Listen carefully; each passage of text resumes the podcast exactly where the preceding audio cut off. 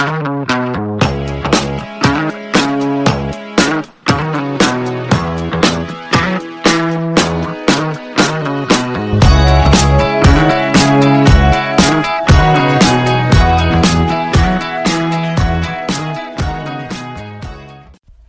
herkese ÖSBL Podcast'in Olmadı Keseriz bölümüne hepiniz hoş geldiniz.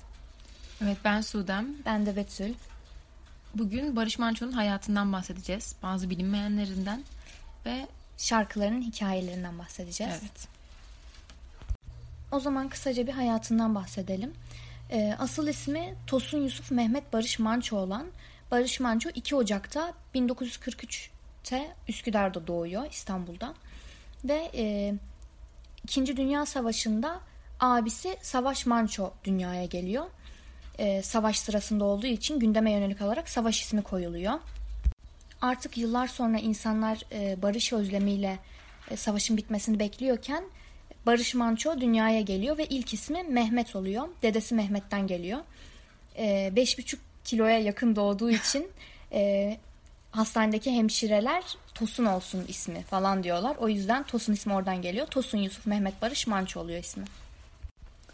Barış Manço Galatasaray Lisesi'ni kazandıktan sonra zaten ortaokuldan beri gelen bir müzik yeteneği olduğunu farkında ve arkadaşlarıyla bir grup kuruyor. Grubunun adı da Kafadarlar. Hatta ikinci bir grubunu da kuruyor lise yıllarında çünkü o zamanlar büyük ihtimal grubu dağılmış. Tekrar kurduğu grubun adı da e, Harmonilermiş ikincisinin adı. Belçika Kraliyet Güzel Sanatlar Akademisi'nde de 1963-1971 yılları arasında resim, grafik ve iç mimari eğitimi oluyor. Hı hı. Yani yeteneği burada da belli oluyor zaten. Belçika'da okuyor bunu da. Ee, Barış Manço 1970 yılında Türkiye'ye Belçika'dan geri dönüyor ve e, MFÖ grubundan Fuat Güner ve Masar Alanson'u tanıyorsunuzdur. Onlarla birlikte Kaygısızlar grubunu kuruyor. Hatta kim vardı? Bir daha vardı. Fikret Kızılok var. Fikret Kızılok da var. E, bu dörtlü e, Kaygısızlar grubunu kuruyor. MFÖ hatta bu Kaygısızlar grubundan daha sonra çıkan bir grup. Bunlar dağılıyor. Ondan sonra çıkıyorlar. Türk Rock grubu bunlar. Daha sonra Barış Manço Paris'e gidiyor ve e, iki tane 45'lik plak çıkarıyor. E, 10. plağı Dağlar Dağlar'la büyük bir çıkış yapıyor. Daha sonra e, bu Dağlar Dağ, Dağlar albümü 5 e, ayda 700 bin tane satış yapıyor. Yani çok, çok, çok güzel bir sayı. Değil mi? Aynen. O zaman için. Ee, ve bu Dağlar Dağlar çalışmasıyla da e, altın plak ödülü veriliyor Barış Manço'ya. Ve e, 1971 yılında daha sonra Moğollar diye bir grupla sanırım çalışıyor. Aynı yılda 1971'de e, Kurtalan Ekspres'i kuruyor. E, ilk klibini de 1973'te Hey Koca Topçu olarak çekiyor. Barış Manço'nun bestelediği 200'ün üzerinde şarkısı var ki bu gerçekten çok büyük bir şey yani şu anda bir şey çıkarttığınızı düşünün. Bir şey şarkı yazmaya çalıştığını düşünün. Bir tane bile belki kaç ayda yazacaksın. 200 tane yazıyor. Ben şarkılarına çok baktım geçen gün. Şarkı öneriyorum ya. İşte Barış Manço'dan bilinmeyen şarkılarından bakayım dedim. O kadar çok bilmediğim şarkısı varmış ki ki Barış Manço'yu çok severim, çok dinlerim. Ama ona rağmen yüzlerce şarkısını buldum. Dinlemediğim, hiç bilmediğim ve hepsi o kadar güzel ki. Evet ve bu güzel şarkıların hepsini de o kadar çok dile çevriliyor ki o zaman düşünün. Yunanca, Bulgarca, Arapça, Farsça, Kürtçe, Japonca, İbranice, Fransızca, İngilizce, Lemenkçe diye olarak yorumlanıyormuş of. gerçekten. O kadar bir de bir şey daha ekleyebilir miyim? Tabii. Ee, bunlara bu dillere çevriliyor ve e, Barış Manço bu dillerde şarkı da yazıyor diye biliyorum. Evet. Geçip Fransızca şarkısı var, İtalyanca, İspanyolca, Türkçe, e, İngilizce zaten var. Japonca şarkısı var adamın. Zaten Japonlar çok seviyor biliyorsun. Evet buraya bir eklenti ekleyelim. Bunu yine babaannemden. Bu gerçek bir kaynaktır. o dönemlerde yaşamış bir kaynaktan anlatıyorum bunu. E, diyor ki gerçekten Japonlar çok seviyormuş. Sürekli Japonya'daymış. Sürekli Japonya'da konserler veriyormuş ve Japonlar gerçekten bayılıyormuş Barış Manço'ya. Japonya-Türkiye ilişkisini bir nevi Barış Manço adım şeylerine atmış. attı diyebilir miyim? Evet.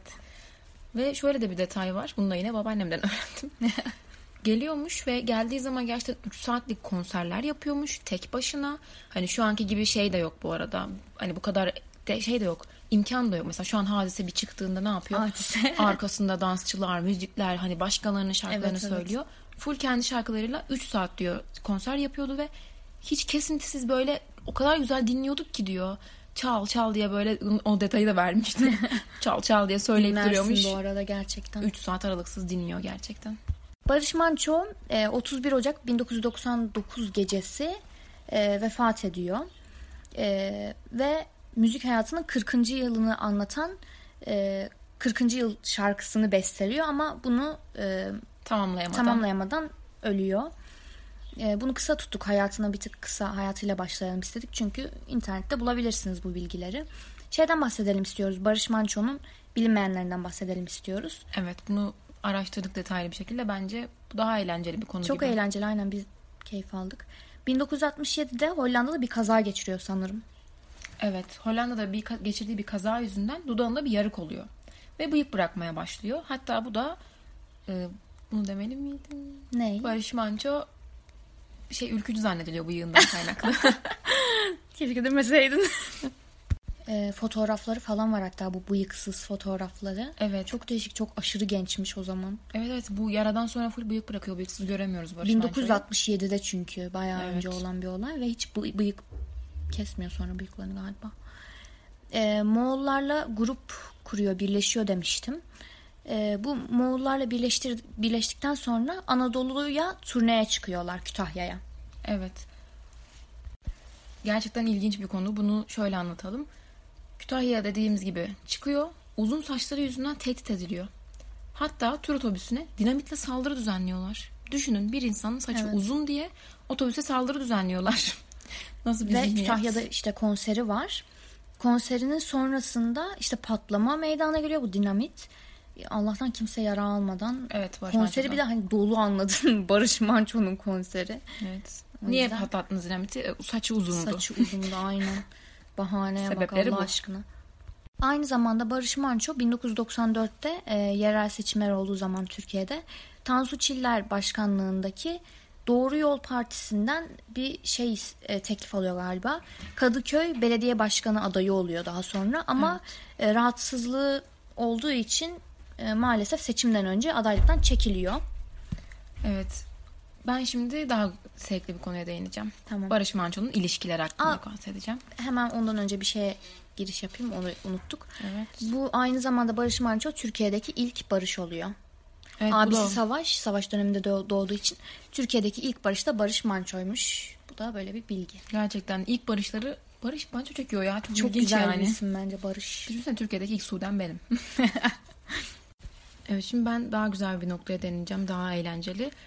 Barış Manço'nun ilişkilerinden bahsedeceğim. Bildiğimiz üzere Barış Manço Lale Manço ile evli. İsimleri hep Barış ve Lale ikisi anılıyor. Ama aslında bunun daha öncesinde bir Sevil var. Yani daha çok gençlik aşkı Barış Manço'nun. Sevil Demir diye bir kadın var. 14 yaşındayken Barış Manço ile tanışıyor. Birbirlerinden hoşlanıyorlar. Ama tabii ki birlikte olmuyorlar 14 yaşında olduğu için. Sonrasında 20 yaşına geldiği zaman hala birbirlerini seviyorlar. Hatta şöyle bir şey söyleniyor.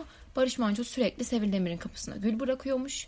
Bu sırada işte Sevil Emir kimden geldiğini anlamıyor, sinirleniyor, niye benimle konuşmuyor, bu kim, neden bana gül bırakıyor falan diyor.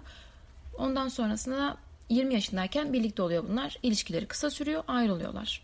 Daha sonrasında bildiğimiz üzere Lale Manço ile birlikte oluyor, evleniyorlar. Bundan sonra bu ikisinin ilişkisi bitiyor. Lale Manço ile bu zaten belli bir şeymiş o zamanların magazin gündemiymiş yani.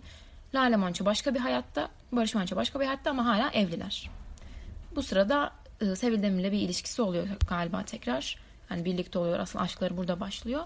Bununla ilgili ölümüyle ilgili detaylar var. İnternetten bakabilirsiniz. E, Sevil Demir'in ağzından olan belki de yalan olan şeyler var, detaylar var. Ölümü bu şekilde oluyor. Ee, şeyden bahsedelim.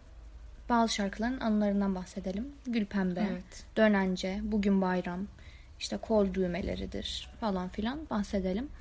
Ee, Gül Pembe e, Barış Manço'nun 13 yaşındayken ölen e, babaannesinin ismiymiş. Ve Barış Manço babaannesini çok seviyormuş. O yüzden bu şarkıyı ona yazmış mesela.